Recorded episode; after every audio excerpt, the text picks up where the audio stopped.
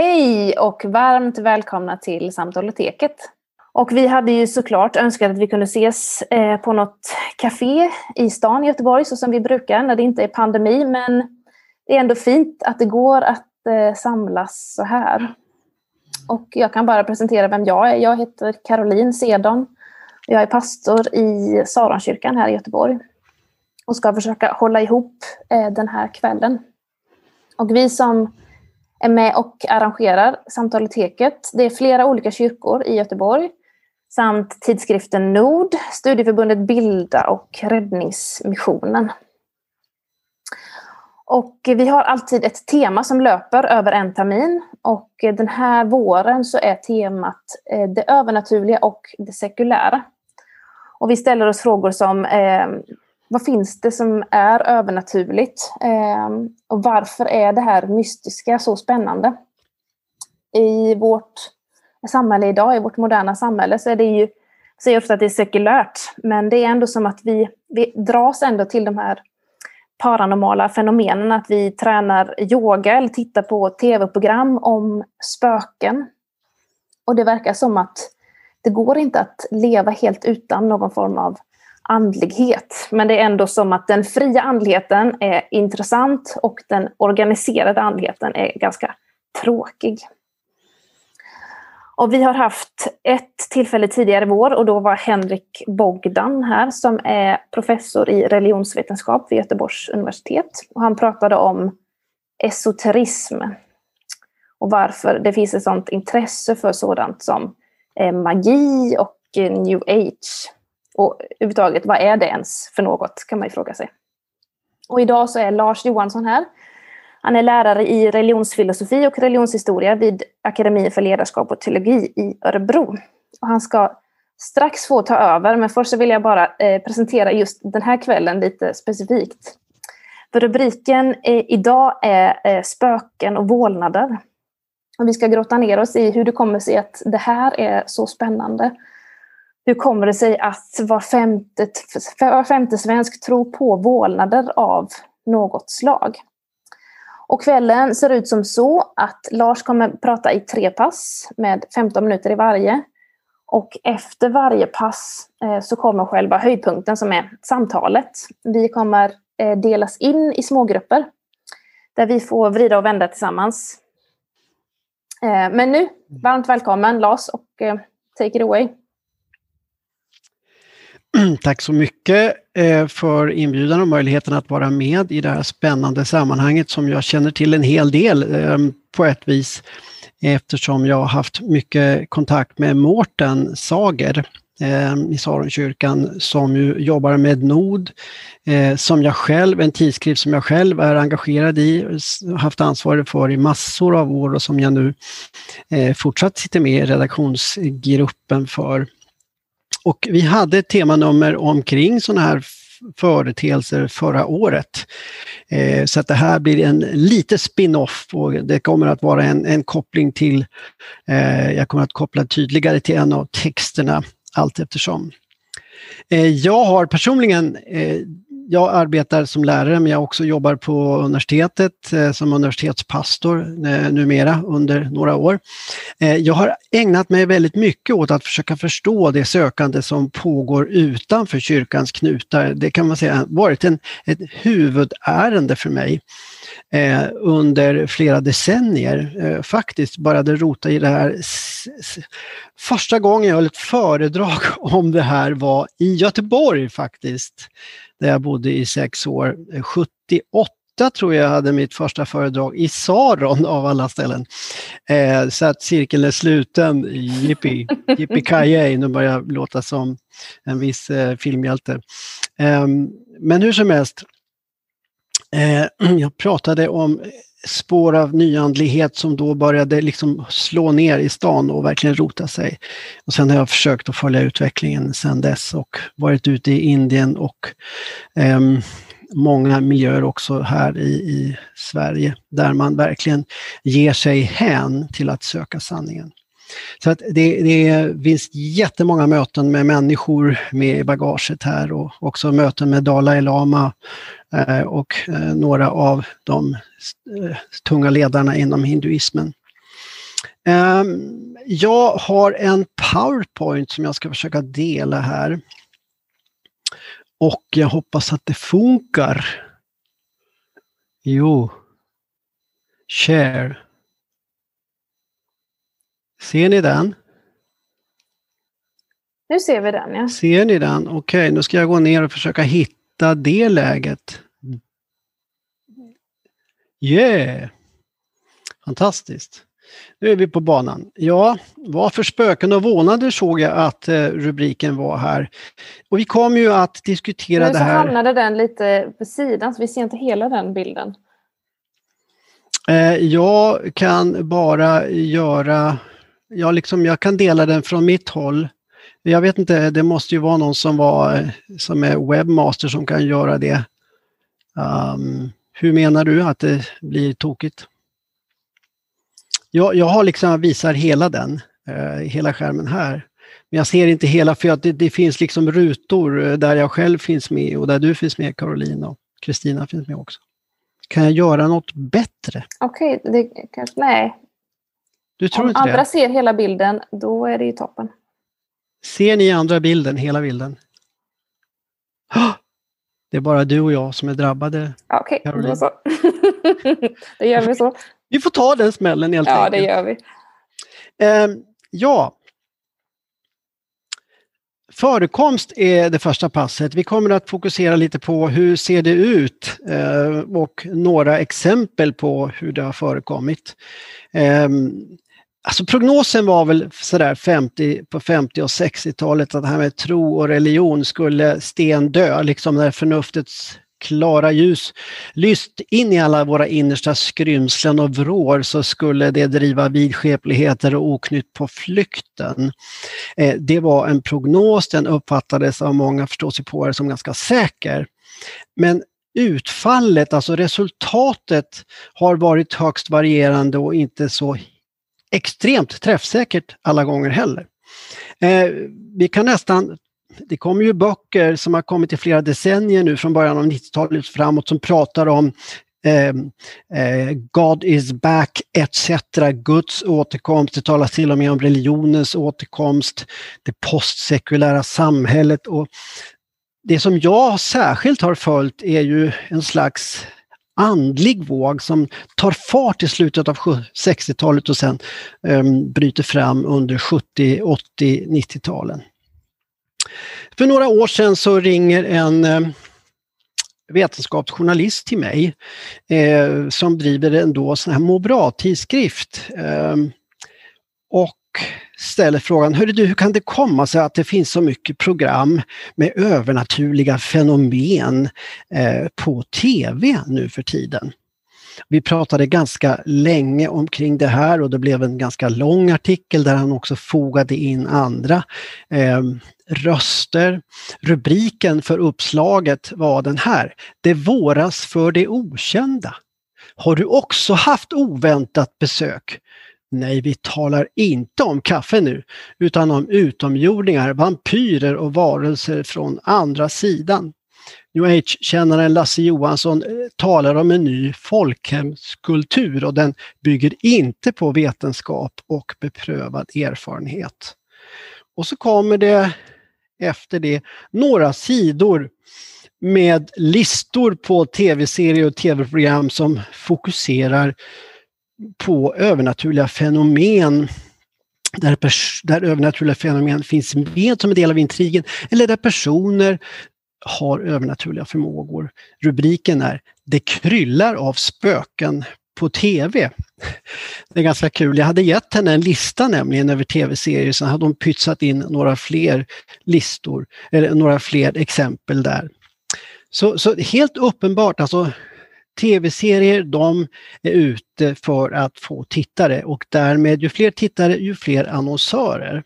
Alltså för tittarsiffror är valuta som kan växlas in i pengar kort och gott. Eh, så det är helt uppenbart att det här intresserar och fascinerar väldigt många. Och på den här listan så fanns det program som Det okända, Andarnas makt och så vidare som fascinerar väldigt många och som har fått folk att tro att spöken verkligen är på riktigt. Eh, några siffror. Eh, 2012 så säger man enligt en SIFO-undersökning att 20 procent tror att människor kan gå igen eh, och också, också haft förnimmelser av döda.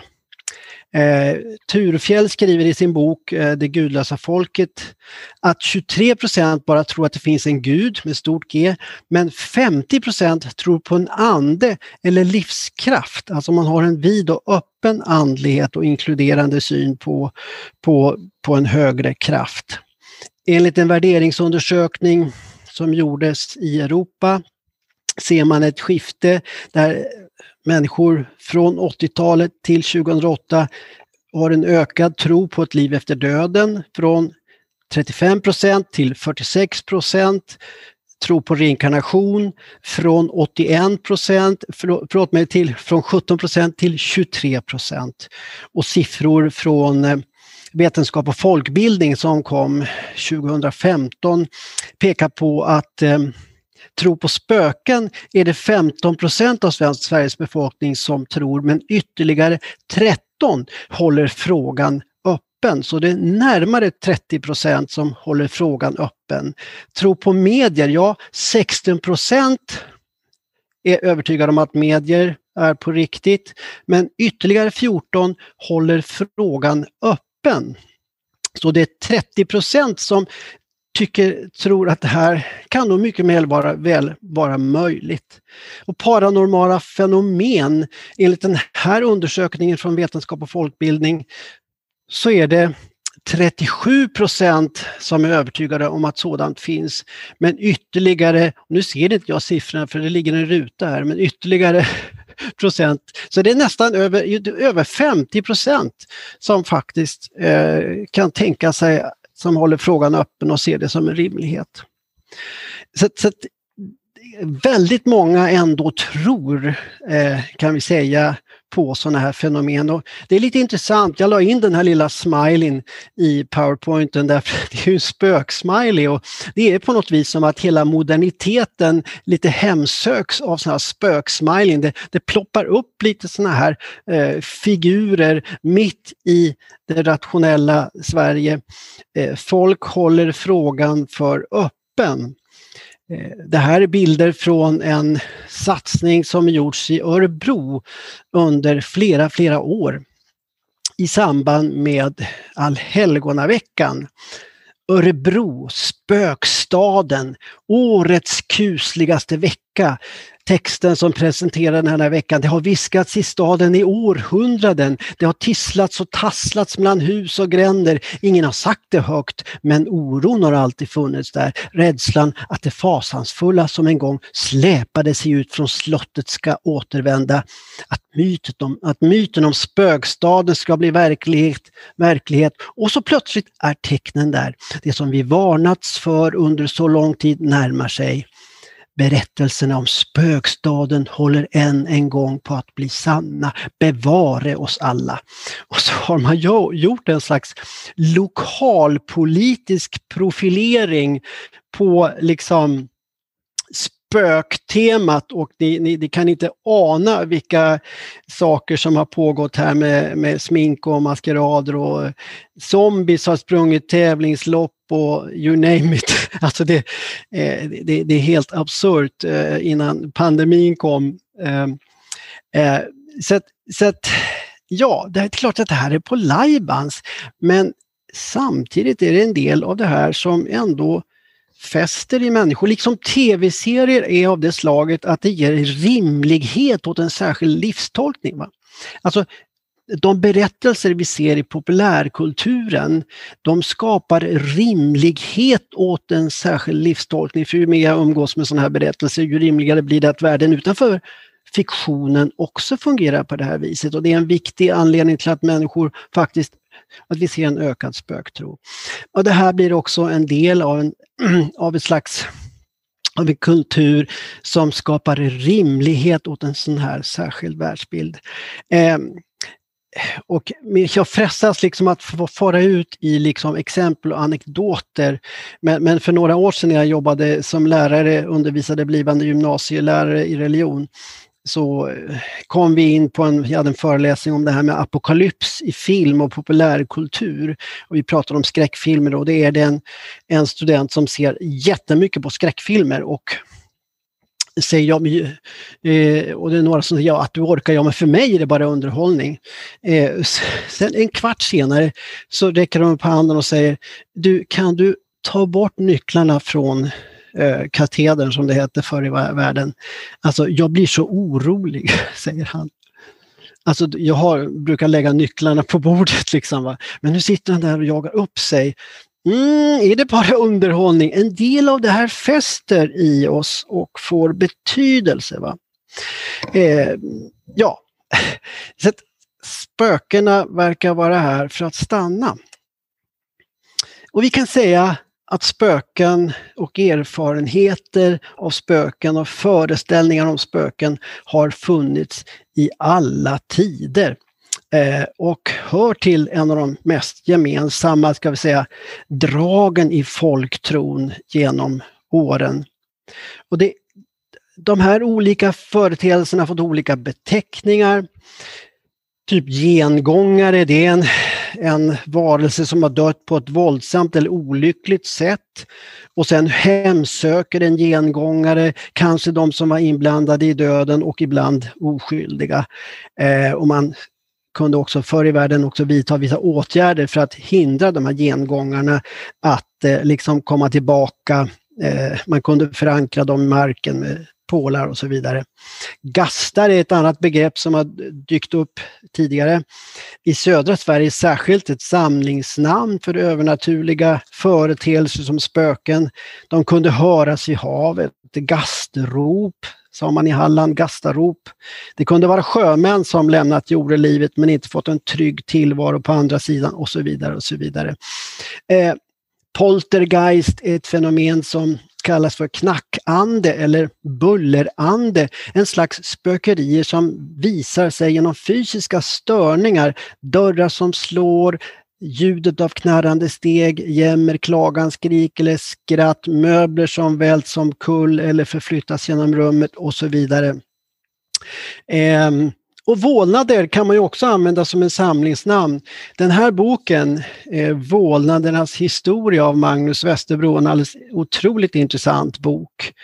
Eh, ah, han använder konsekvent begreppet vålnader, alltså spöken och vålnader som nästan synonyma.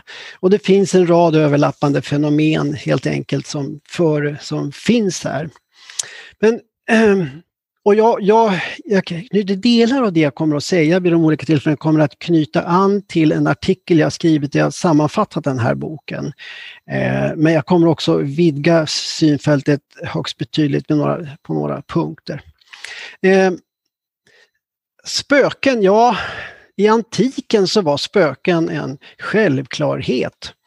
Det finns en, ett känt brev från den romerska författaren Plinius den yngre. Strax, han föddes strax efter, ja, 60, 61 efter Kristus. Han berättar om ett hemsökt hus i Aten och det är en av de mest kända eh, spökhistorierna i världslitteraturen kan man lugnt säga.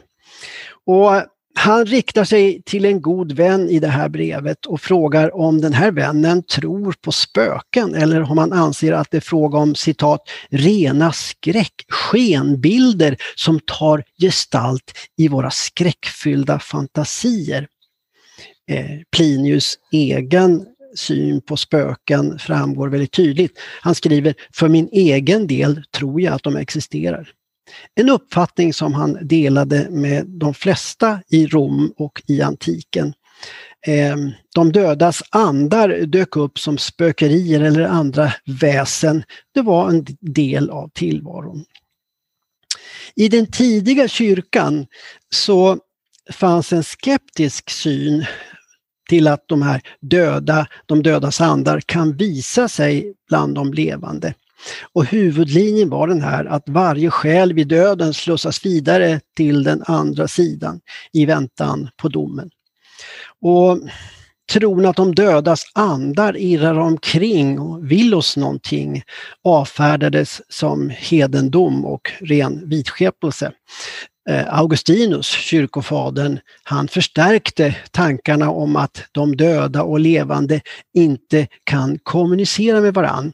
Och hänvisade också till citat ur Bibeln där sådana där uppkopplingar eller förbindelser eh, inte rekommenderas, snarare tvärtom. Och dessutom, jag tycker det är lite gulligt faktiskt, eh, om de döda verkligen kan kommunicera med de levande, då hade hans mycket omtänksamma mor säkerligen hört av sig, menade Augustinus. Hans moder Monica, det är en, eh, sån här känd figur. Eh, som, han hade, som, var en, eh, som betydde mycket för sonen Augustinus. Men hon hade inte hört av sig. Alltså kan inte spöken kontakta oss. Han kunde eh, i enstaka fall ändå tänka sig att döda kan visa sig, men då är det på Guds direkta godkännande eller ett helgons ingivelse. Men det intressanta är att den här folkliga spöktron ändå är väldigt stark och att det gradvis sker en justering av spökhistorierna i kristen riktning. Så att de kommer att bekräfta kyrkans läror. Och, och spökena börjar peka på riskerna med att bryta Guds bud och straffen som kan vänta. Och på 800-talet Eh, så är tron på att böner och mässor kan befria de döda från lidande på andra sidan, den är helt etablerad och det skriver Magnus Westerbro. Som pekar också på att en bit in på 1100-talet så så när det görs en reform som kallas benediktinreformen eh, så etableras en idé om att man kan byta ett visst antal böner hos de levande för att minska lidandet bland de döda. Och mot slutet av 1100-talet så börjar man undervisa om en renande skärseld som blir fullt utvecklad och etablerad senare. Och så småningom så kommer eh, den här tanken på att man kan handla med frälsning och så. Ehm, där blir de döda rent av rena reklampelarna för en handel med själsliga varor där man kan ehm, man kan liksom eh, få Gud att dra ett streck över väldigt mycket dåligt om man då man kan köpa sig fri så att säga och då blir de döda också reklampelare för den här handeln. Och det här, det här lyfter Västerbro väldigt tydligt och han pekar också på han, eh, hur Martin Luther på ett väldigt tydligt sätt, och det känner en del av oss till, går till skarp attack mot den här avlatshandeln som den kallades. Eh, och han skriver 1530 att fenomenet poltergeist eh, är ett begrepp, alltså egentligen är det Luther som är den första som använder begreppet poltergeist i skrift. Alltså sådana här bullerandar som stökar och, och bökar och lever rövare. Och han säger att såna här, en tro på sådana varelser används av katolska kyrkan för att lura människor att tro att det verkligen handlar om de dödas själar. Som, kan, man, som man kan hjälpa då genom att köpa mässor eh, och avlat för deras frälsnings skull. Och så är han då väldigt kritisk och menar att ett sånt här tänkande är ett sätt att hålla folk i schack och skräck och lydnad. Och om man tror på spöken så är det en styggelse och det är klart att för Luther så är alla idéer om att försöka rädda själen genom goda handlingar, eh, allmosor, böner och gåvor och så vidare, det är vidskepelse. Och, eh, så därför så gör han också rent hus med helgonen eh, och eh, sådana förmedlande gestalter mellan Gud och människor.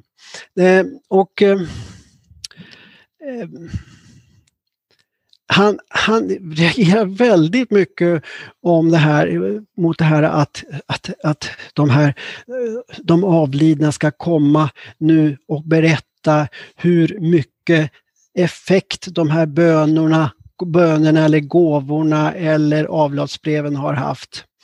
Eh, han menar att det är de flesta av de här synerna är eh, djävulens verk kort och gott. Eh, utom i några enstaka unika fall. Och det intressanta är att en religionsvetare har kallat Luther för en rejäl Ghostbuster. Så var det ju verkligen. Han, eh, han menar att spöksyner eh, är någonting vi ska försöka undvika. Men egentligen så gör Luther det som den tidiga kyrkan, han återvinner kyrkans tidiga uppfattning. Och som Augustinus varit så tydlig om att det, eh, alltså det, det finns eh, en slags, ja, alltså det finns en tydlig kritik i början mot att de döda kan återvända och kommunicera. Luther gör egentligen en repris på den gamla eh, teologin faktiskt. Eh, och i de protestantiska miljöerna så kommer ju sen spöken att betraktas som förvillelser och eh, djävulens verk och så småningom så, så, så blir man också väldigt rationalistisk i, i, sin hela världsbild, vilket är lite intressant. I, I den katolska världen då så lever de här föreställningarna ändå om kvar. Eh, och vi ska komma in lite på det nästa sektion när vi pratar om, eh, om synen på spöken i olika sammanhang. Eh, under 1600 och 1700-talen sker en väldigt stark utveckling där en rad olika filosofer driver en rationalistisk och skeptisk hållning. Eh, och intressant nog så kommer en slags motkraft i det i vår egen superstjärna kan vi säga, Emanuel Swedenborg. Han var vetenskapsman och en en sån här person som, som besatt väldigt många kunskaper i väldigt många discipliner och han går och blir andeskådare under senare delen av sin karriär och sitt liv och får en otroligt stor betydelse när det gäller att etablera, eh, ska vi säga, skapa mönster för det som kommer att bli spiritismen och sätta mönster för överhuvudtaget den här kontakten med den osynliga världen. Eh, han är ju en av de verkligt stora kändisarna internationellt sett eh, kan vi säga religionshistoriskt. Ehm, det finns ju fortfarande kyrkor över hela världen, och kallas Nya kyrkan, det är Swedenborgs eh, eh, kyrkor.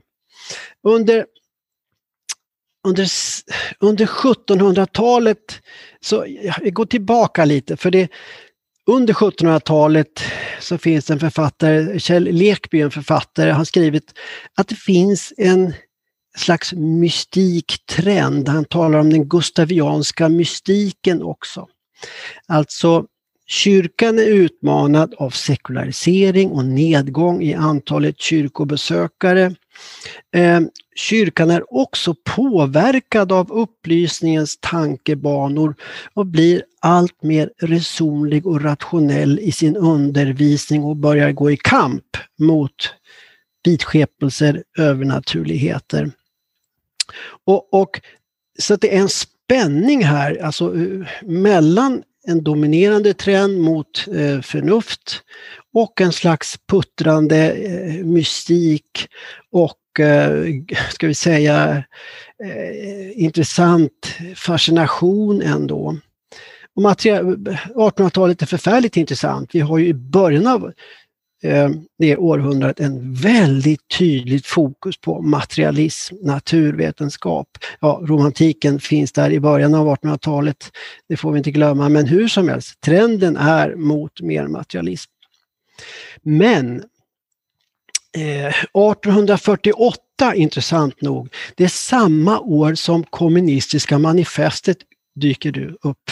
Alltså Marx eh, med sin general liksom, beskrivning av en materialistisk värld eh, publiceras samma år som det börjar knacka i ett hus i USA. systrarna Fox som vi ser här på bilden i staten Washington börjar säga sig ha kontakt med andevärlden. Och vi kan lugnt säga att kontakter med andevärlden blir den tidens största trend. Senare delen av 1800-talet är, liksom, vi pratar om en massrörelse faktiskt, nästan en hysteri, eh, där människor etablerar kontakter med den osynliga världen. Och det är liksom intressant att det här händer mitt i moderniteten, när naturvetenskapliga förklaringsmodeller tar över, så är det som om det sker en reaktion.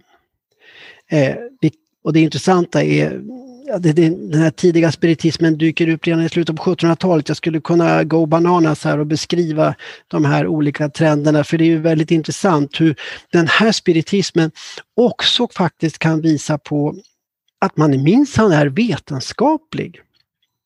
Vi kan ju utforska de här eh, världarna empiriskt. Liksom. Eh, men kyrkan, det handlar ju bara om tro. Vi är minsann också vetenskapliga, säger man. Eh, så det är en del av det hela. Många av de här medierna de avslöjades väldigt tidigt. Systrarna Fox berättar så småningom efter något decennium hur de har fejkat hela grejen. Och det är en slutet av 1800-talet, början av 1900-talet är en enda stor kamp mellan skeptiker och övertygade spökjägare och den pågår fortfarande. Ehm, um, inom den nyandliga vågen som jag särskilt har eh, försökt att studera så är det helt uppenbart att här lever människor med en vidöppen världsbild eh, och har kontakter med alla, med alla möjliga varelser och väsen och det har bidragit till sin tur för en öppenhet på det här området. Eh, det här är SPOK, Stockholms paranormala organisation och kamratskap. Eh, en, en förening som finns lite varstans. Eh, ni kan googla på det ska ni se, de, de är på Facebook och liknande. De rycker ut när helst någon har trubbel i sitt hus och utför rensningar och eh, så vidare. Ni kan, ni kan googla om de här fenomenen. Eh, och de har skrivit om det i Svenska Dagbladet, Dagens Nyheter och whatever. De har en egen eh, Facebook-sida. För att inte glömma alla de här programmen med olika eh, som förnimmelser av mord, tidigare liv, det okända, annans makt, som ju skapar en ökad fascination för det här. Så att de här företeelserna är jätte, jättegamla och vi har dem fortfarande mitt ibland oss, mitt i moderniteten. Eh, och vi kommer att komma tillbaka till olika förklaringar så småningom och vi kommer också fundera över hur förhåller vi oss. Jag kan säga att efter den, den här kommer jag att prata om för, förekomst det första passet. Sen kommer vi in på förklaringsmodeller och sen i ett steg trä, trä, steg trä, det var ju väldigt intressant hur det kan bli snett i själva munhålan. Faktiskt, det bara liksom halkar i fel, in i fel vokal. Eh, hur, hur kan vi förhålla oss till en värld där det pågår sådana här saker? Så blir det sista passet, så jag, jag, jag, eh, jag hoppas att ni håller ut. Nu ska vi fundera en stund över det här med de personliga erfarenheterna av spöktro. Har, har du några sådana? Har du hört, läst eller själv kanske till och med varit med om? Ja, Eh, nu har ni säkert talat en stund om vad det här, vilken personlig relation till sådana här fenomen ni har. Eh, är det kanske inte någon alls överhuvudtaget. Eh, men om vi går och tittar lite på de olika förklaringsmodellerna som framskymtar, var hamnar vi då? Ja, punkt två, förklaringar. under antiken så, eh, så var det ju vanligt att man tänkte att det berodde på att man har fått en dålig död helt enkelt. Alltså eh, människor som har blivit eh, o, alltså, råkat illa ut, som har dött på, på ett, ett tragiskt sätt, blivit mördade eller, eller sådär, eh, var, var, kunde spöka. Eh, men och särskilt om de fått en dålig begravning. Om de, eh, om de inte hade funnit ro i graven så kunde de hänga kvar bland de levande och bli och skapa oro och skapa rädsla och fruktan. Det finns en story om att sådana här varelser, de fick inte följa Eh, med färgkaren Karon till över floden Styx till den andra sidan, alltså till, eh, till dödsriket. Ehm, och så när man inte fått komma in i dödsriket så kunde de alltså uppfattas som en fara för allmänheten och man skulle snart se till att försöka få tag på de här och få till stånd en rätt begravning. Så att det väsentliga är själva begravningsriten. En god, en korrekt genomförd begravning skulle kunna göra att även en person som verkligen råkat illa ut och blivit dödad eller mördad oskäligt kunde komma till ro. Så att begravningen var enormt viktig. Sådana här historier finns ju i Plinius spökhistoria som jag nämnde om tidigare i första passet. Det är en av de mest mönsterbildande överhuvudtaget. Eh, och den har liksom skapat inspiration till massor av senare spökhistorier, bland annat Oscar Wildes väldigt eh, kända berättelse Spöket på Canterville Eh, han får ingen ro heller förrän han har blivit ordentligt begravd, kort och gott. Inom den, I den katolska kyrkan, eh, jag, jag, jag noterar ju tidigare att det fanns en skillnad mellan den protestantiska och katolska kyrkan och det intressanta är eh, det här är en bild för övrigt på skärselden, de olika liksom, eh, kretsarna, eller jag skulle säga de olika nivåerna som människor befinner sig på i en, eh, en, en, en, ett uppslagsverk som heter The Modern Catholic Dictionary så definierar man spöken som okroppsliga varelser. Och man säger där att Gud faktiskt eh, kan tillåta eh, varelser, själar att komma och tala med de levande och kanske undervisa dem, varna för någonting eller förmana till något. Så Gud kan tillåta det, men det Gud inte tillåter det är att vi själva försöker få kontakt med dem. Där, där är det katolska um, katekesen och uppslagsverket väldigt strikt, eh, liksom den kristna traditionen i regel är. Eh, och det intressanta är somliga Alltså man kan då säga att de här varelserna kommer antingen ur en vistelse i, i helvetet eller i himlen eller i skärselden. Eh, om man kommer ifrån skärselden så, eh, så ehm, kan det också vara olika sorter sorters varelser där. Peter Kreeft som är, var under många år en väldigt populär och eh, också till svenska översatt katolsk författare. Jag vet inte hur många böcker som är översatta till svenska. Han menar att eh, det finns olika varelser som kommer från skärselden. Somliga är mera eh, förvirrade och oklara. Ehm, och de, de har en del kvar att renas i skärselden innan de liksom hittar hem. Somliga kan komma, ehm, kan vara mera onda i sin karaktär eh, och de kommer från avgrunden eh, och eh, liksom vill störa oss. Och så finns det då varelser som kommer eh, eh, det kommer upp en massa eh, möten som jag ska vara med i här. Jag bara går emot dem. Har ni, jag hoppas inte att ni inte ser det på, på er skärm. Eh, det ploppar upp här. inviter, alla möjliga inviter från den osynliga världen. Eh, och eh, så att, så att också goda ljusa varelser kan dyka upp för att berätta saker för oss människor, undervisa, eh, varna och så vidare. Eh, nu, nu är det någonting som har hängt så jag vet inte om det olika förklaringsmodeller fortsätter. Ehm, det, är farligt att ha en sån här digital uppkoppling för eh, folk kan ta över, hostile takeover. Eh, ett fenomen som är väldigt intressant är ju sömnparalys. Eh, jag vet inte om ni har hört talas om det. Den här bilden är ju ett klassiskt exempel på sömnparalys. En, en, en, en kvinna ligger och sover eh, och är helt utslagen men det sitter någon mörk varelse, en, en demon av något slag på bröstkorgen. Och det här är ett fenomen som jag ibland har fått möta i samtal faktiskt. Eh, personer kontaktar mig och berättar om hemska saker som de upplevt i, i, under natten eh, i sömnen. Eh, jag har själv varit med om det flera gånger. Man ligger precis i det här mellantillståndet mellan, eh, mellan vakenhet och sömn. Och då kan det tydligen ske sådana här fenomen. Man känner att någon sitter och trycker på bröstet.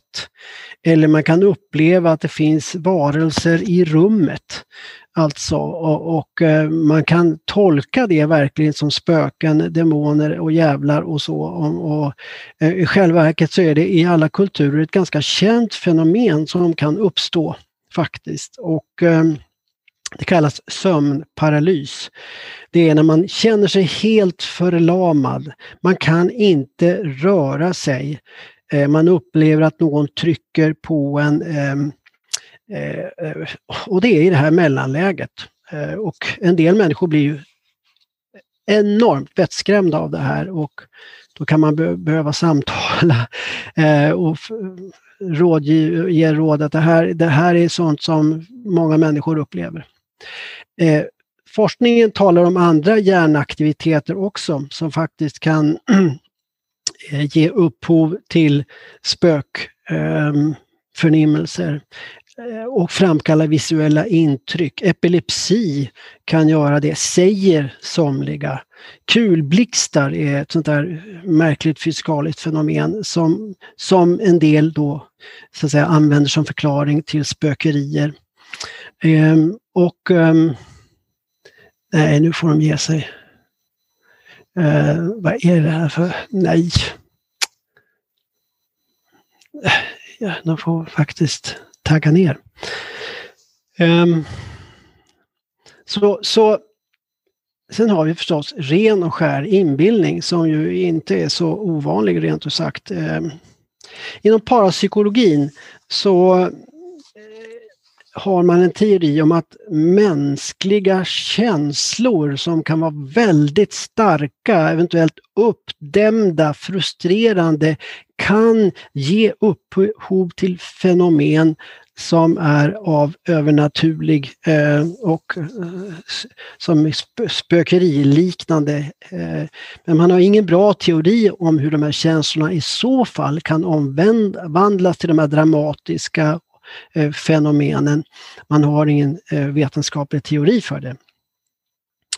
Eh, Inom spiritismen då, den här 1800-talsväckelsen, så är det ju så att de, man antar att de dödas andar lever på väldigt många osynliga nivåer. Himlen är sommarlandet inom spiritismen, men varelser kan vara på väldigt olika nivåer och på något vis återkoppla till oss och berätta om sina liv och ge råd och så vidare. Um, här har vi författaren Magnus Westerbro som har skrivit den här boken, eh, Vålnadernas historia, som jag tycker är utomord utomordentligt läsvärd. Där jämför han spöktro förr och nu. Och han pekar på att eh, det finns en, en eh, vissa gemensamma drag förstås. Eh, det är märkvärdigt att spöktron har överlevt så många år och samtidigt har den då förändrats. Um, själva spökupplevelsen är väldigt likartad, skriver han. Innehållet i berättelserna kan vara mera moderniserade. Förr i världen så kunde folk se häst och vagn, liksom. men sådana åkdon är ju inte populära idag. Nu kan ju det vara spöktåg, spökbilar och andra farkoster exempelvis. Um, andra företeelser som mylingar, alltså det är spöken som då är, är liksom tidigare avlidna barn, alltså barn som antingen har gått en olycklig död till mötes eller dött för tidigt eh, i alla avse andra avseenden kallas för mylingar. Lyktgubbar, gastar, de finns inte alls kvar kort och gott i, i spökberättelserna nu för tiden. Det är inte heller någon som klagar över dåligt utförda begravningar nu för tiden. Det gjorde man eh, förr i tiden i, i högre grad än nu. Eh, de visar sig också på andra platser numera än förut. Det är inte i vägkorsningar eller på kyrkogårdar som spöken visar sig, utan det kan vara i städer. Eh, särskilt på platser som ligger lite mera av, i utkanten av städer. Eh, kulvert är det populära för spöken också. Eh, internet har vi gott om spöken om ni undrar och behöver ha eh, besök. Nej, nu, jag ska inte skoja för mycket med det här. Eh, hemmen är förstås en gemensam plats för många spökerier både förr och nu. Men det som är intressant är att spökena nu för tiden är väldigt mycket mera positiva. Eh, de vill inte den levande, de levande människorna något ont egentligen. Eh, om de skrämmer och eh, vållar oro så beror det på att de har gjort ett misstag, det finns frustrationer hos den döde som går i dagen. I grund och botten har de inte alls några onda avsikter. Så dagens spöktro är eh, så, där hann jag rätt. Dagens spöktro är allmänt sett mera positiv och uppmuntrande, även om det i populärkulturen finns en del riktigt scary stuff. Sådär, va? Men den generella tron på varelser från andra sidan är väldigt mycket mera ljus. Och den här ljusa synen på andra sidan, det är ett arv från Emanuel Swedenborg, den svenska vetenskapsmannen och mystikern och förstås 1800-talets spiritism. Eh, före spiritismen och Swedenborg så gjorde de flesta vålnader människor absolut skräckslagna. Nu har vi en betydligt mer optimistisk bild av det övernaturliga. Eh, den osynliga världen framstår som lugn och harmonisk till skillnad från den jordiska som är stressad och vi känner allmän stress och disharmoni. Så att det känns som att det här har blivit en värld där man eh, i spiritisternas himmel kallas för sommarlandet. Det är en otrolig ljus eh, tillvaro.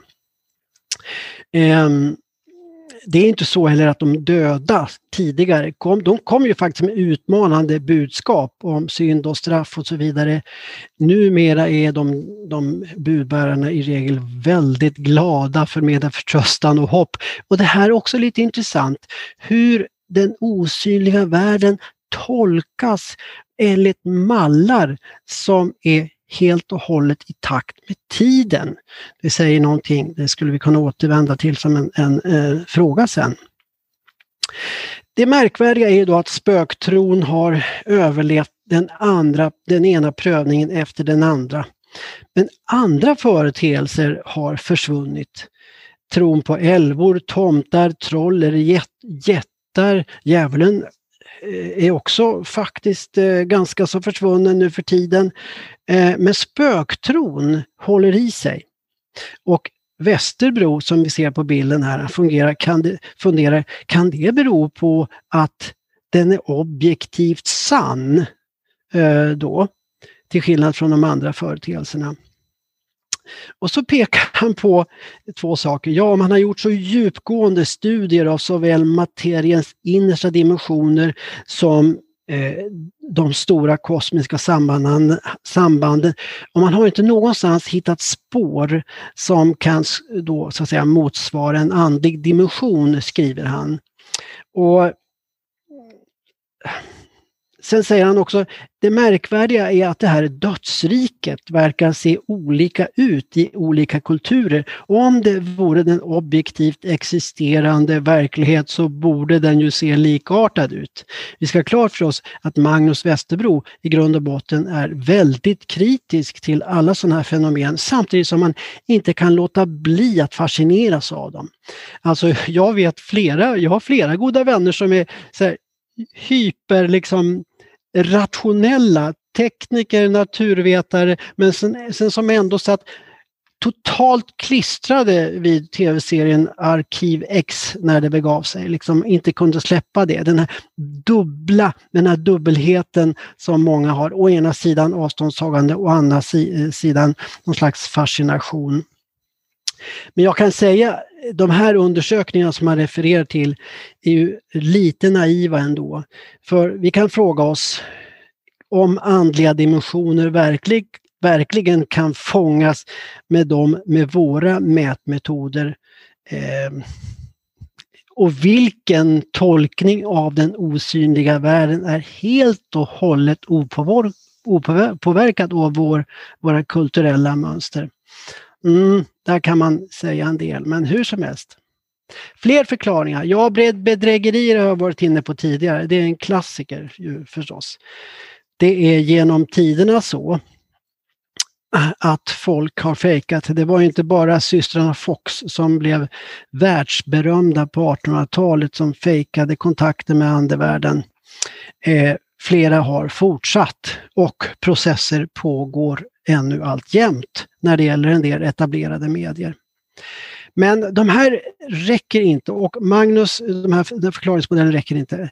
Magnus Wester eh, Bro, eh, han kommer fram till flera olika förklaringar. För han är ju naturalist, va? för honom finns det inget osynligt, omätbart. Han lyfter fram tre olika förklaringar som är intressanta.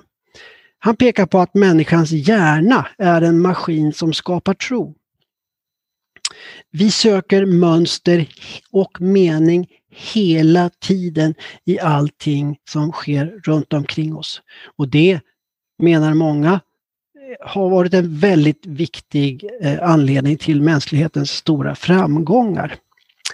Ehm, Richard Dawkins eh, ateisten och biologen säger att det här är ju liksom, religion är en, en sidoeffekt av det här mönstersökandet, en sidoeffekt som gått snett.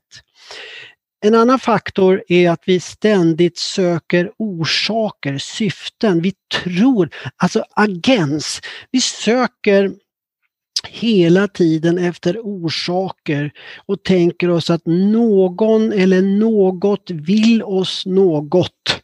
Vi är, verkar hopskruvade att tänka så.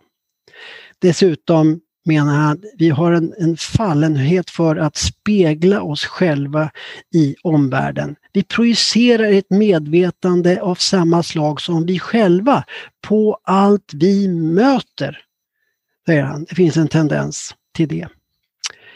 Eh, och vi har lätt för att besjäla saker. När vi är barn så, så, så leker vi med dockor och andra leksaker och ger dem liv. Alltså det verkar ligga väldigt mycket i oss det här.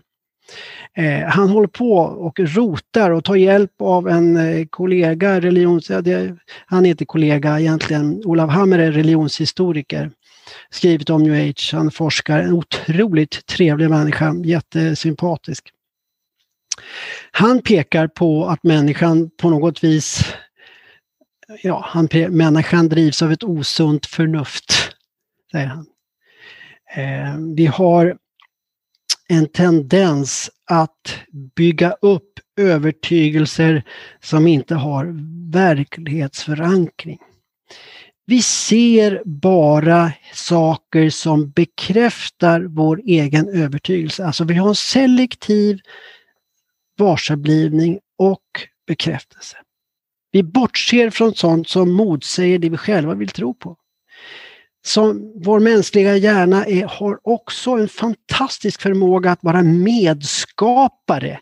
Vi bygger aktivt upp berättelser om vad vi är med om och i samma ögonblick som de sker ofta till och med. Och visst är vi oerhört kreativa.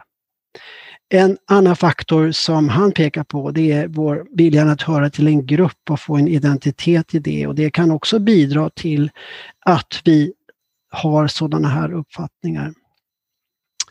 Varför nu, om den här spöktron är, har fått så mycket kritik, eh, varför finns den ändå kvar? Ja, den fyller väldigt viktiga funktioner faktiskt, eh, pekar man på. Ehm, Västerbro. Ehm, det är ju så att ehm, spöktron har ju utsatts för väldigt, väldigt skarp kritik, men är det så att den ger individen en given innebörd? Ja, det är klart. Den enskilda människan har en unik betydelse också på andra sidan, för folk kan återvända från andra sidan eh, som individer och de kan också kräva sin rätt. Därigenom så blir de ett tecken på att det kan finnas en högre rättvisa. Så det finns en moralisk dimension också som visar på att om man lever som en typ och buse i den fysiska världen så kan det få kostsamma ex, eh, effekter i den osynliga världen. Men det viktigaste är förstås den här känslan av att det inte bara tar slut. Alltså döden är inte slutet. Det finns något otroligt trösterikt, skriver Westerbro i, i den här tanken, att vi faktiskt inte bara blir till stoft, mull och aska, utan att det finns en form av fortsättning. Så, och vi kan se det här, den här laddningen fortfarande kring begravningar. Ehm, det är ju väldigt, väldigt viktiga riter och alla de här föreställningarna kan vi säga, vi ses i Nangijala och så vidare, ehm, är ju vanliga. Trots att människor kanske inte har någon särskild livsåskådning eller tro så är det ju ändå som att man verkligen vill att det ska vara en fortsättning. Och en av mina mest, eh, en, en av min svåger, han var med om en sak på en begravning, en humanist eh, begravning där man ju är väldigt strikta. Man vill hålla sig till den rationella förklaringen och den här som ledde förrättningen, han står och säger gång på gång på gång den och den här personen lever bara så länge han lever i våra minnen och trycker på det gång på gång på gång på gång. Men sen i slutet av själva ceremonin så är det som om man inte kan hålla sig. För han säger, vi ses igen. Och det är en väldigt intressant eh, spaning. Vi verkar ha otroligt svårt för att tänka oss att det bara tar slut. Hörrni, det här var en hel serie olika, jag bara kastar in eh, olika förklaringar här eh, och kanske travar dem. Eh, är det några av de här förklaringarna som du har hört tidigare? Eh, vilken tycker du låter rimligast? Ehm, prata om det en stund så får vi se vad ni säger, så kan vi samla upp alltihopa i slutet sen. Tack för att ni har lyssnat. Nu ska vi se förhållningssätt, ja det är ju så att säga den djupare frågan. Hur ska vi närma oss de här fenomenen om vi stöter på dem? Ja, en, en, en, en, viktig fråga rör synen på vilken världsbild vi har. Är den sluten eller öppen?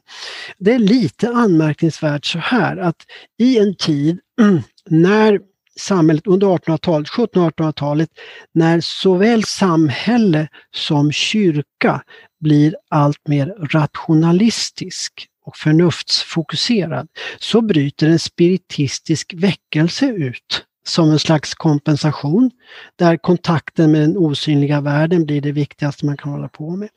Under samma tid så bryter väckelserörelserna fram Eh, det är väldigt intressant. Eh, där det finns utrymme för personliga erfarenheter och de här erfarenheterna som går lite vid sidan av det vanliga förnuftet. Så Det är tankeväckande och eh, jag tror att den här frågan om våra förhållningssätt i väldigt hög grad eh, handlar om vilken verklighet och världsbild vi har, verklighetsuppfattning och världsbild. Eh, det här är, till den vänstra bilden är den, så att säga, den sekulära, moderna bilden av världen. Där är i centrum av verkligheten det naturliga, synliga, empiriska, det är kort och gott verkligheten. Punkt. Ja.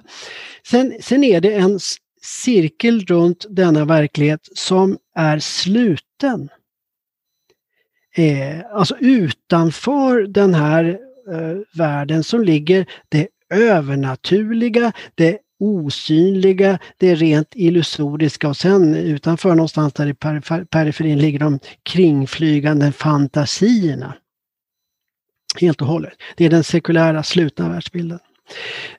Den andra bilden av världen är, är kan säga, det som kännetecknar skriftlösa religioner. Jag undervisar religionshistoria också. Va? Jag brukar använda de här bilderna för att kontrastera olika världsbilder. Där är det inte definitiva skillnader eller distinktioner, separationer mellan den synliga och osynliga världen, den naturliga och den övernaturliga världen, den empiriska och den överempiriska världen. Alltså det läcker som ett såll åt båda håll. Va? Eh, det, det andliga är närvarande i det vardagliga på ett vis. Va? Och jag tänker att eh, som, som kyrka så har vi skäl att fundera över vilken världsbild vi lever i. Som vanliga eh, svenskar har vi också en fråga om vilken riktning våra liv eh, har. Vi kan ju börja med den oerhörd fascination inför sådana här övernaturliga fenomen. Jag vet människor som faktiskt inte kan sluta prata om sånt här. Men också har varit med om en resa, några jag känner har varit med om en resa där de, där de upplever oro. så att säga tilltagande oro och ofrid och sen får vara med om vändningen till frid. Eh, och där, där, kan jag berätta, eh, ge några korta exempel på bara alldeles strax. Men ni skriver plus och minus här. Ja, det är sådana kalkyler som jag brukar använda mig av i undervisningen om, om andligt sökande. På pluskontot så skulle jag ju då säga att den här vidgade världsbilden ligger. Alltså det faktum att det inte är fullständigt slutna eh, eh, system utan det finns en öppenhet. Jag menar, vi är vuxna, uppvuxna i, en, en, med, i Sverige med en bild av världen som en slags tickande urverk. Va? Det är den mekanistiska synen på världen. Alltså allting går sin gilla gång och följer naturlagarna. Det inträffar inga avvikelser i det kosmiska urverket inga under heller va? i urverket. Den här bilden av den slutna lilla lådan som jag försökte beskriva nyss är ju där det verkliga eh, finns innanför ramen i den synliga eh, lås, så att säga, inom ramen för det synliga. är ju väldigt intressant för att många människor som är andligt eh, andligt öppna och sökare, de kommer just, de sparkar ju ut golv och väggar och tak ur den här lilla boxen så det far åt alla håll. De liksom vidgar världen och släpper in undret, miraklet, det här som egentligen inte passar in i den sekulära boxen eller i undret kan till och med rymmas i urverket. På minuskontot så ligger den här erfarenheten av, att, av makternas återkomst som jag brukar tala om. Alltså, om man lever i en värld där det vimlar av varelser och energier som man behöver förhålla sig till, eh, så kan man först vara full av hänförelse och förundran. Men över tid märka, det är inte så lätt att leva i en värld med så många olika hänsyn som ska tas. Och så börjar man kanske skaffa sig olika skyddsamuletter, påsar med stenar att ha runt halsen som, man skyddar, som skyddar mot negativa impulser, inflytanden. Under, under många år så var det ju väldigt populärt med kristaller också. Eh, och um, numera har det blivit en boom för kristaller igen. Eh, det har varit ute flera, flera år, men nu är det ett gäng kändisar som har börjat använda kristaller och då blir det, då blir det eh, på, på, på G igen. Alltså, de här kristallerna kan ju avgöra hur jag mår, min alltså, absoluta eh, fysiska status. Liksom. Hur jag mår både andligt och kroppsligt och det gäller att hålla sig väl med dem. Men problemet är om du sysslar mycket med kristaller så blir det ett väldigt sjå. Liksom du måste, du får inte, folk får inte ta på dem för mycket. Då blir de orena. Du måste lägga om saltlösning eh, så de blir rena liksom, eh, från negativa energier. Och sen måste du också träffas med några likasinnade och liksom med mindpower få dem att fungera, programmera om dem så att de funkar igen. Va? Det blir väldigt mycket sjå med det här, väldigt mycket bekymmer. Och så kommer kanske den här oron smygande. Har jag gjort allt som står i min makt? Är jag nu garderad i alla, på alla nivåer och i alla led? Eh, och det här, sådana här berättelser skulle jag kunna dela med er. Alltså det har ett flertal exempel på personer som rört sig längs det här spektrat från den stora fascinationen in i oron och så småningom till friden. I en gammal psalm finns det en strof som heter Det går en bro från tro till ro. Och det är väldigt många människor som fått uppleva det. Eh, som har fascinerats, tjusats av detta. Eh, och det kan vi, det skulle jag kunna prata mer om, men det här med andekontakter och medier, det är ju jättepopulärt. När jag möter människor utanför kyrkans kretsar så brukar jag för det första, de, de kan ju nästan bli chockade över erfarenheter de har gjort. De kanske besökt ett medium som säger saker och ting som är klockrena in i deras situation. Så börjar de tro att det här kan stämma. Kan jag lita på den här personen? Kommer nästa fråga, kan sånt här verkligen ske? I själva grundfrågan. Och så kan de fråga mig och så säger de Tror du att sånt här kan ske? Och då, då säger jag ja, jag tror att det finns människor med den här typen av förmågor. Så jag erkänner företeelsen. Sen börjar jag mana till försiktighet. Jag säger för det första, bara därför att folk kunnat säga hur ditt liv har varit hittills, är det inte säkert att de kommer att kunna säga hur din framtid ser ut. För det tredje, så är det faktiskt eh, så att vi väldigt lätt lever våra liv som självuppfyllande profetior. Om vi får höra budskap eh, som har lite andliga övertoner så går vi extremt lätt in i sådana mönster och anpassar oss. Det finns forskning på det här. Eh, ett, ett, av de senaste faktiskt såg jag figurerade, eller eh, eh, ett sånt här mönster såg jag figurerade i en tidskrift som heter Världens historia som jag prenumererade på härom, såg det häromdagen. För det fjärde brukar jag säga, ja men det är inte säkert att det bara finns goda varelser och väsen. Um, fundera över det. Det kan ju finnas också krafter som vill lura dig. Eh, och det intressanta är ju att människor kanske blir lite mer försiktiga och inte bara gasar på utan um, tar det lite försiktigt.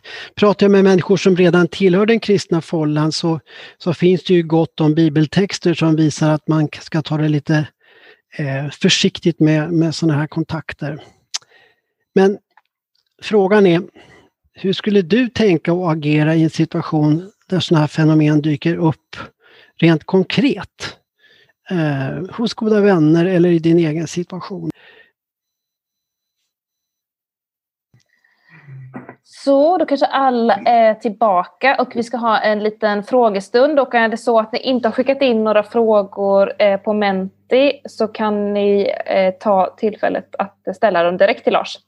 Eh, men vi börjar med en fråga som eh, kommit in där och som var så här. Eh, vad var det som gjorde att denna typ av fenomen fick en skjuts på 60 och 70-talet? Mm, ja, det var jag får harkla mig. Eh, nej men, eh, det intressanta är att 60-talet innebär en väldig reaktion mot det moderna livet. Alltså det är väldigt många unga människor som är liksom utlea på det moderna livet och liksom reagerar mot, som författaren Henry Miller har talat om, den luftkonditionerade mardrömmen. Alltså där, där man liksom, allting är så ohyggligt rationellt och inrutat om man ska samla på saker och trevliga erfarenheter. Nu är det massor med unga människor som liksom söker sinnesvidgning, eh, andlighet, eh, eh, att vidga sin bild av både människan och världen och också sitt medvetande. Det är jättemycket, det är ungdomsrevolten som slår till med full kraft. Eh, och där finns det väldigt mycket experimenterande med osynliga varelser och världar och, och så. Man liksom bara spränger det moderna. Och det, bara det är värt en, några timmar att prata om. I could go on faktiskt. Det är otroligt intressant. Eh, och en annan fråga var ju det här med hur skiljer sig spöktro från tro på Gud? Alltså mm. kommer det sig att det är lätt att tro på något men inte dra längre logiska slutsatser av det? Ja, jag tror att det, och det här är en distinktion som, som två engelska forskare eller ett team har liksom gjort genom att studera andligt sökande så har de gjort en distinktion mellan religion and spirituality. Alltså religionen definierar man då som en högre helighet. Spirituality, alltså andlighet, definieras som en alltså en, en, en slags fokus på individen och individens upplevelser och egen subjektivitet. Och det är ju helt hand i handske med människan i alla tider tror jag. Att, säga, att, att hon vill hellre utforska sig själv, se, utgå från sina egna möjligheter, eh, än att gå in under en högre helighet. Och idag är det här förstärkt. Och när man utforskar sådana här osynliga varelser och, och uh, världar och uh, så, så kan man ju syssla med det på någon typ av experimentell fason. Liksom. Det, det är någonting jag håller, kan hålla på och dona med, liksom, som är ganska eh, icke-förpliktande.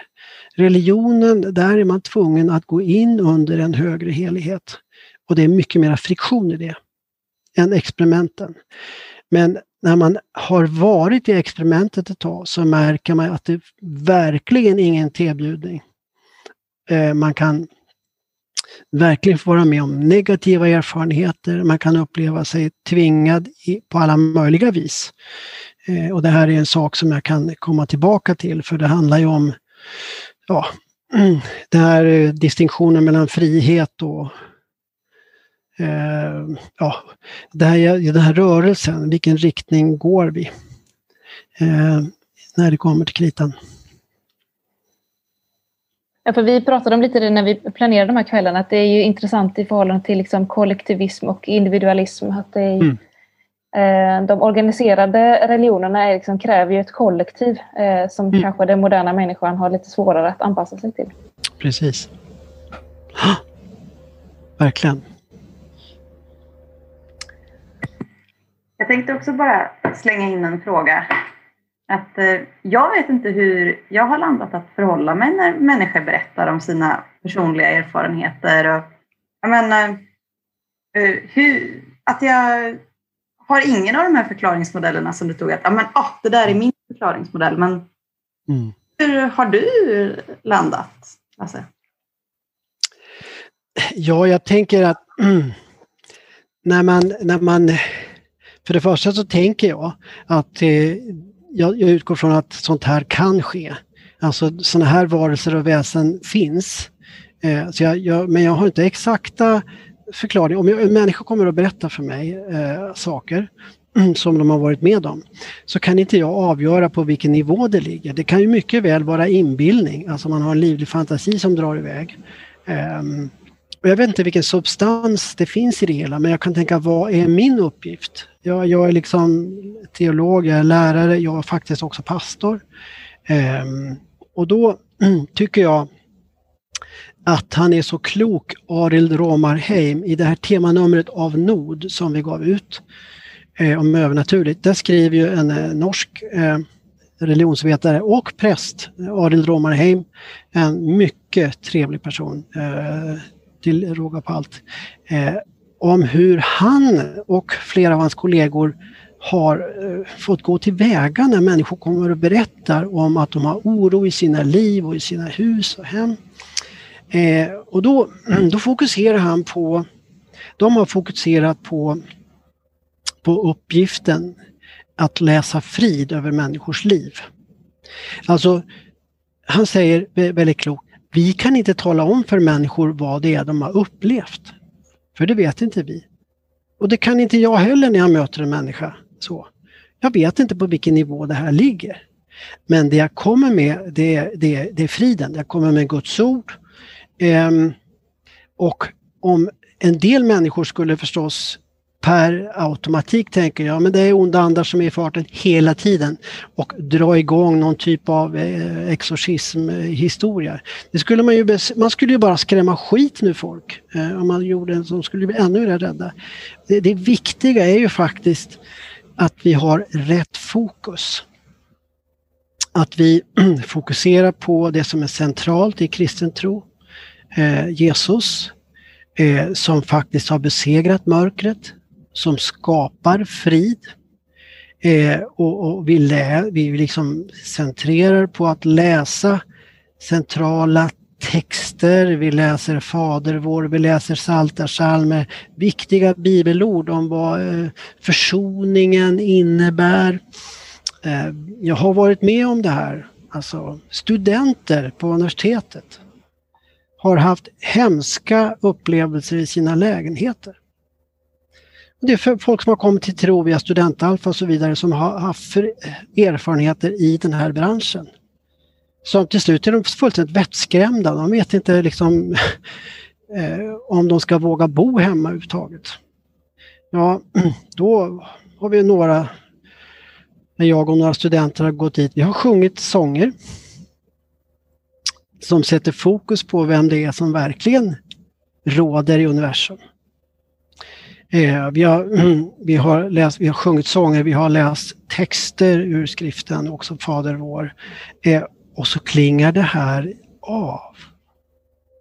Vi har fått göra det ibland flera gånger. Och människor upplever konkret att det finns en frid från den här oron, från det här mörkret. Eh, och alltså Romarbrevet 8 är ju helt fantastiskt. 8 och 37. Där står det så här, ingenting kan skilja oss från Kristi kärlek, varken makter i höjden eller makter i djupet. Och det är en sanning som kyrkan tror på. Och det är en sanning som många människor fått uppleva inte bara är snack utan for real. Alltså det, det är verkligen på riktigt. Eh, ja, jag har sett det i väldigt många fall. Faktiskt. Att det, det, det eh, jag tycker att man inte behöver ha den, eh, den mycket är inbildning. Jag, jag, kan ju säga att de här sömn, sömnparalyserna, visst, absolut, jag har varit med om det.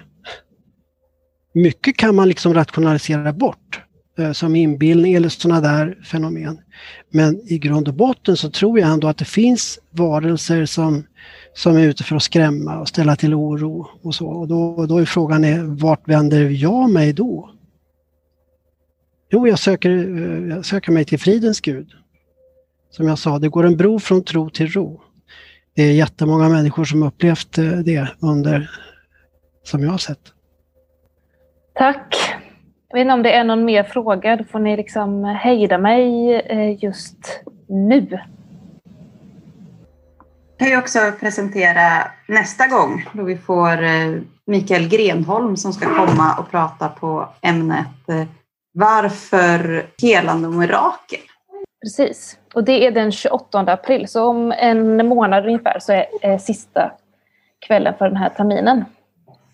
Klockan är 20.01 och jag eh, drar ihop säcken med att tacka er alla för att ni har varit med, för att ni har bidragit med era eh, samtal och frågor och funderingar. Och jag vill framförallt tacka dig Lars att du kom och det som du bidrar med. Så vi ger dig en sån här varm och härlig cyberapplåd. Cyberapplåd. Vi gör så här. Underbart. Ja, men vi är jätteglada att vi, att vi fick lyssna till dig och ta del av din erfarenhet. Och eh, allihopa, eh, tack för nu. Eh, ha det så gott och vi ses den 28 april. Och vi får se om vi går och ses live. Vi hoppas såklart, men det beror ju på smittläget såklart. Eh, Men eh, ha det så gott.